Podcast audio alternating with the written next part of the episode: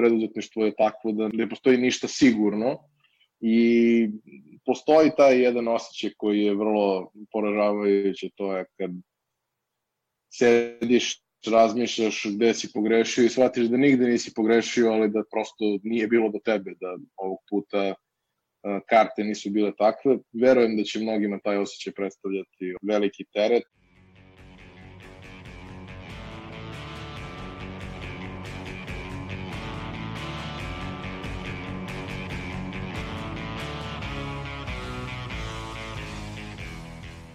Slušate novo izdanje podcasta Reaguj, nezavisnog društva novinara Vojvodine.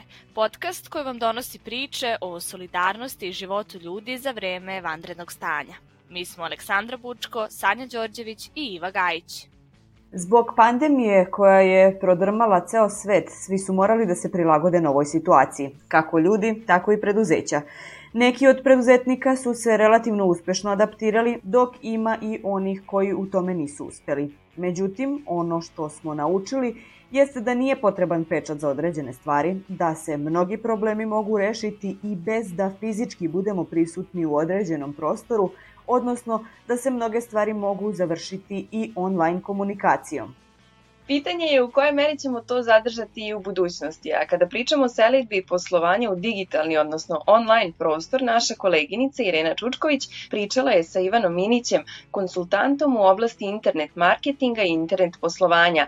Irena, šta kaže Minić, da li su se preduzetnici snašli u ovoj situaciji? Prvo treba početi sa tim da nas je ovo vreme naučilo koliko stvari možemo da uradimo online, za koje smo ranije mislili da to nije moguće. Ivan Minić kaže da je to jedna od važnijih lekcija. Sigurno da je jedna važna lekcija da većina onoga što su nam govorili da ne može da se uradi digitalno zapravo može. Mislim da je čak e, ne za preduzetnike koliko za državnu upravu to prilično vredna lekcija koju su mogli da nauče, jer svi oni službenici koji su nam godinama pričali da ne može bez pečata i ne može ako se fizički ne dođe u poslovnicu, sad im je neko objasnio da može i nadamo se da i kad se ovo završi će ostati da može, a neće se vratiti na ono staro. On dodaje da osim uspešnosti digitalizacije poslovanja, mnogi su iskusili i to koliko su poslovni partneri solidarni u kriznim vremenima. Glavna lekcija, kako on kaže, zapravo je pozicioniranje na tržištu, odnosno kako se prilagoditi novim uslovima i brzim promenama u okolnostima poslovanja.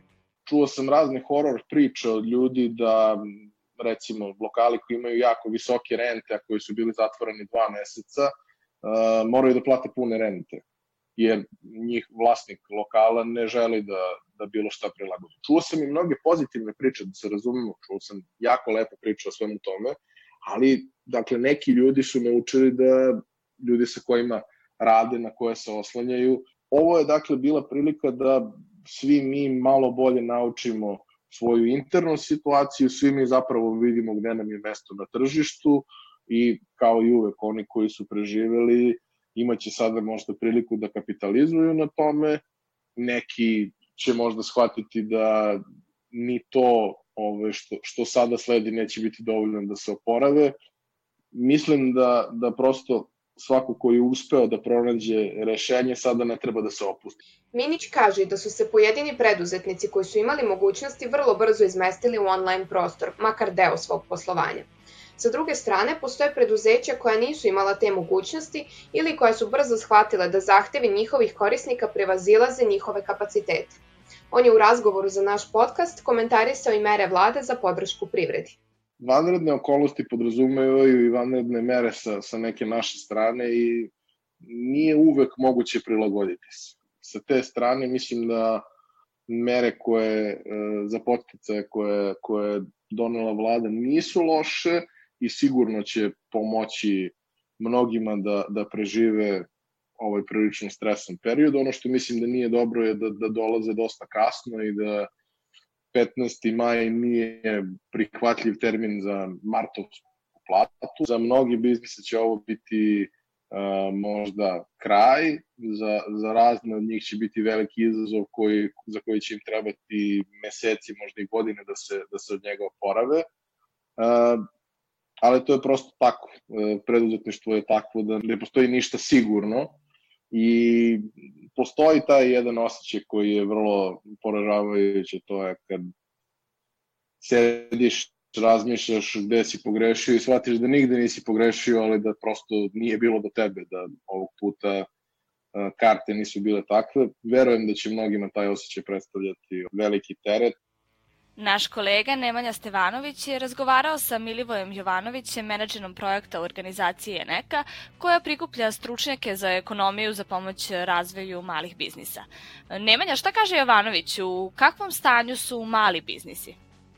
U poslednjih meseci i po dana koliko smo u vanrednom stanju, Jovanović kaže da je bio u prilici da razgovara sa preko 300 malih biznisa širom Srbije. Kaže da problemi koji su se javljali nisu bili vezani za online poslovanje, već su problemi bili u vezi sa realnom proizvodnjom, jer većina biznisa sa kojima sarađuju su iz proizvodnog sektora, kao što su prehrambeni sektor i druge slične grane industrije. Svi ti biznisi su imali pre svega probleme da, da obezbede radnike u pravo vreme, da imali su probleme da dođu do sirovina koje su iz izvoza, jer su ti kanali distribucije i logistike dosta usporeni, kako da dovedu radnike na radno mesto, drže socijalnu distancu u samoj proizvodnji, ali takođe što tiče onog online dela, on se pre svega odnosio da se u što kraćem roku priorientišu na online prodaju, tako da je većina njih pristupila ili izradi sobstvenih, da kažem, e-prodavnica ili da pristupaju neke platforme koje se već tiču, koje, se, koje već imaju prodaju koje su, da kažem, grupnog karaktera i, i tako dalje, ali opet e, koliko god to olakšavalo i što se tiče uplata i što se tiče e, problem je ponovo bio one logističke prirode, znači a to je kako isporučiti robu finalnom potrošaču, da li on bio iz iz korporativnog sektora, odnosno da to bio neki biznis, neka malo prodaja ili veleprodaja, ali takođe i fizičko lice. Tako da ono što koliko je god je taj, taj online pomogao, on nije mogao da reši problem. I mislim da i u budućem periodu to neće moći da bude tako rešeno. Jedno je sektor usluga drugo kad se rade neke usluge koje nisu stale, ali i dalje baza naše privrede jeste proizvodni sektor, jesu mali biznisi koji proizvode robu, odnosno koji proizvode proizvode od tih nekih domaćih sirovina. Tako da oni, ovo je njima bila olakšica u smislu prodaje, ali ne i logistike, a jedno bez drugog nije moglo. Tako da mislim da koliko god se sad svi mi nadali da će sve brzo da pređe na online, ja mislim da, da smo daleko od toga, ne u Srbiji, nego u svetu, zato što to jednostavno nije moguće. A Ivan Minić dodaje da ono što nas online poslovanje takođe uči, jeste koliko je briga o korisniku važna stvar. Onog trenutka kada neko dođe da kupi nešto fizički u prodavnicu, on je to kupio, izašao je i to je to. Sada u online prostoru, kada korisnik klikne i obeleži proizvod pa ga stavi u korpu i plati, čitav proces još nije gotov. Vi kao preduzetnik dužni ste da organizujete dostavu i to je nešto novo za većinu preduzetnika analizirajući sve, kažemo, recimo, elektronska trgovina je značajno porasla u odnosu na neki prethodni period i ona neće ostati na tom nivou. Sigurno neće ostati na tom nivou, zato što to je nivo koji je vezan za vanredne okolnosti. Onog trenutka kad se okolnosti vrate na staro, kod mnogih ljudi će se i navike vratiti na staro. Ali neće kod svih. Kada pričamo o internet trgovini, ljudi najčešće zamišljaju to ja napravim sajt, ljudi isklikću i sve se samo desi vrlo malo toga se desi samo.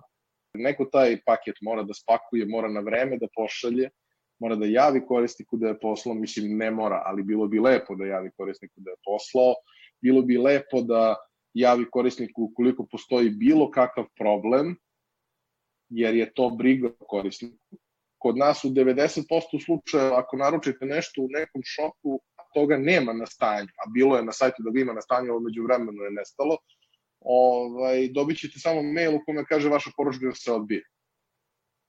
U Americi u 99% slučajeva kada tako nešto uradite dobijete mail u koji kaže nažalost ovo nemamo na stanju, ali evo predloga čime to možemo da zamenimo.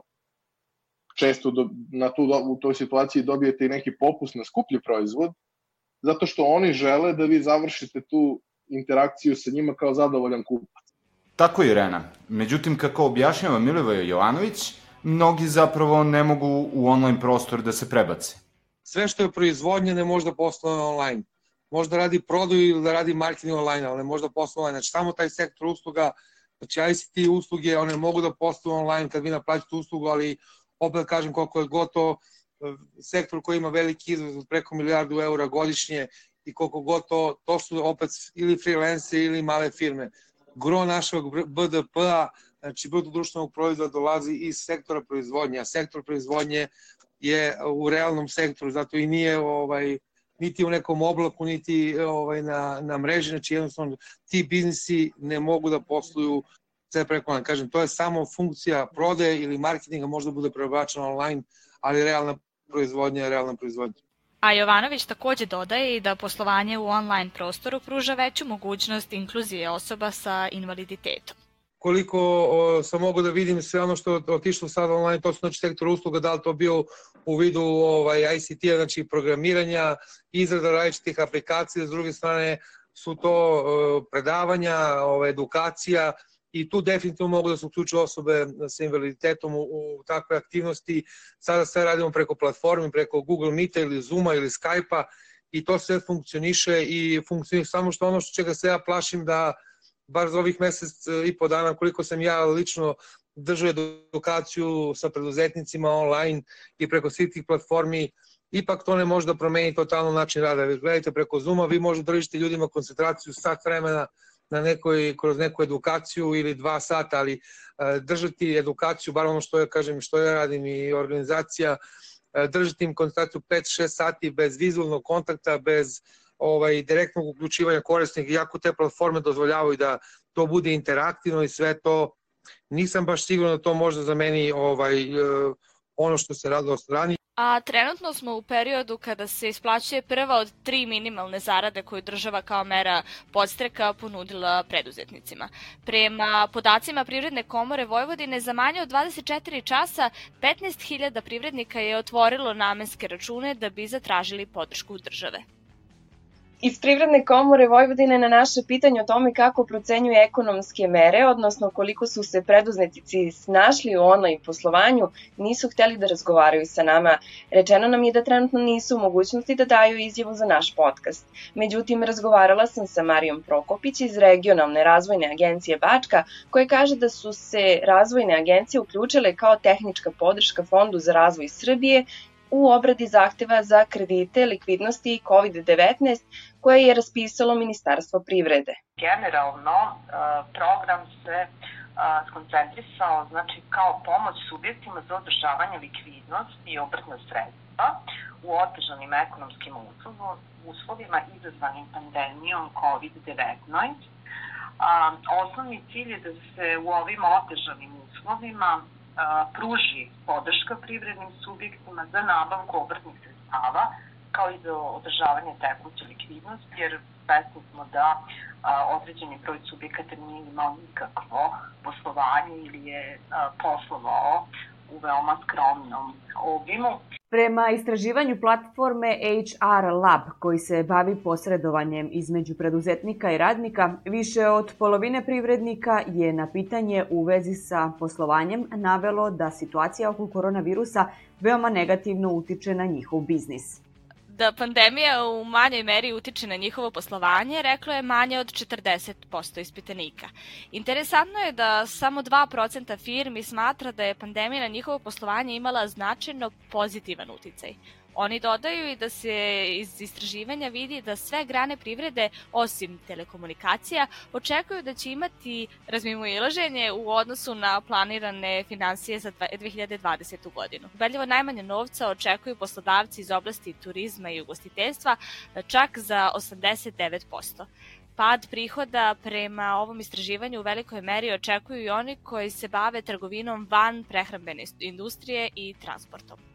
A kada su u pitanju preduzetnici i njihovo adaptiranje, Sanja Ristić, jedna od osnivača teretane Viker, kaže kako je i pre proglašenja vanrednog stanja razmišljala o zatvaranju sale. Ali dodaje i da nije htela da samo ugasi firmu, pre svega zbog odgovornosti prema zaposlenima. Ipak vanredno stanje za njen biznis donelo nesvakidašnje rešenje. Zapravo, pre nego što je proglašeno vanredno stanje, učila da definitivno treba da obustavimo rad u salama iz razloga što je epidemija virusa i to je neka moralna ljudska strana. Znači, ja ne želim da ugrožavam niti svoje zaposlene, niti svoje klijente. Na vanredne situacije niko nije spreman, nikad. I sad zapravo cela planeta, mislim, niko od nas ne zna šta, šta treba da radimo Ovaj, tako da, um, meni je bilo u glavi kao, ok, vanredna situacija je, znači svi moramo uh, ostati kući, moramo da zatvorimo uh, sale, ali nisam prosto htela da se pomirim s tim. U redu, novo nastala situacija, ajde da je prihvatimo i da se prilagodimo, da vidimo šta mi zapravo možemo da uradimo.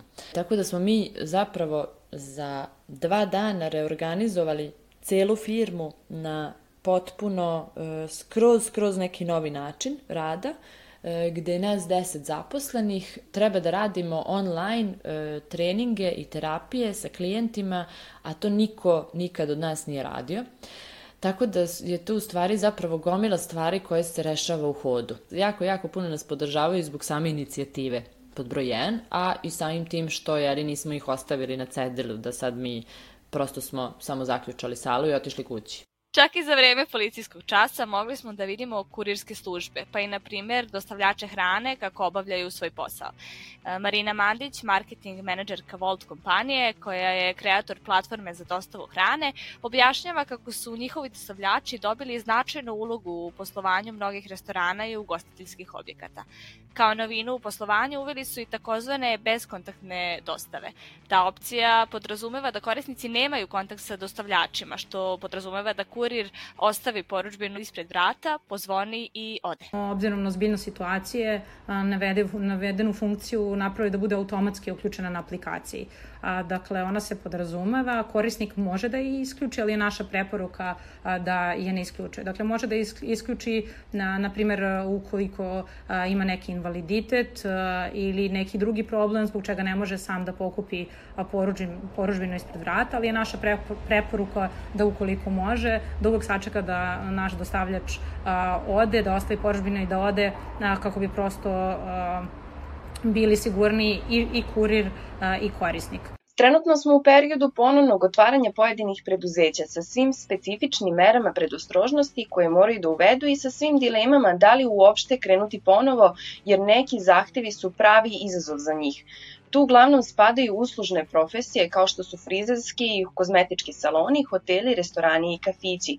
Vlasnik pizzerije Vetrenjača u Jagodini Milan Gajić kaže da će otvoriti restoran te kada se sami budu osjećali bezbedno kako ne bi ugrozili ni svoje radnike ni svoje goste. Pizzeriju smo zatvorili 18. marta, dan posle odluke o policijskom času. Razlog je pre svega e, bezbednost e, radnika, zdravstvena bezbednost radnika.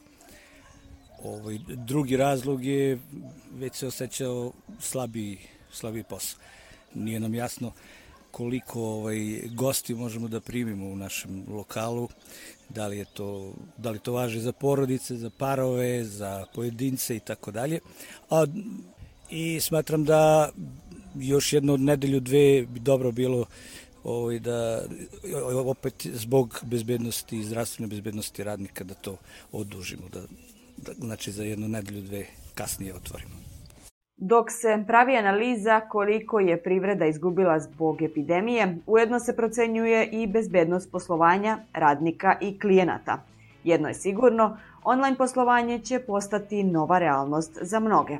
Odjavljujemo ovo izdanje serijala Reagu i podcasta Nezavisnog društva novinara Vojvodine, u kojem smo govorili o izazovima poslovanja u online prostoru.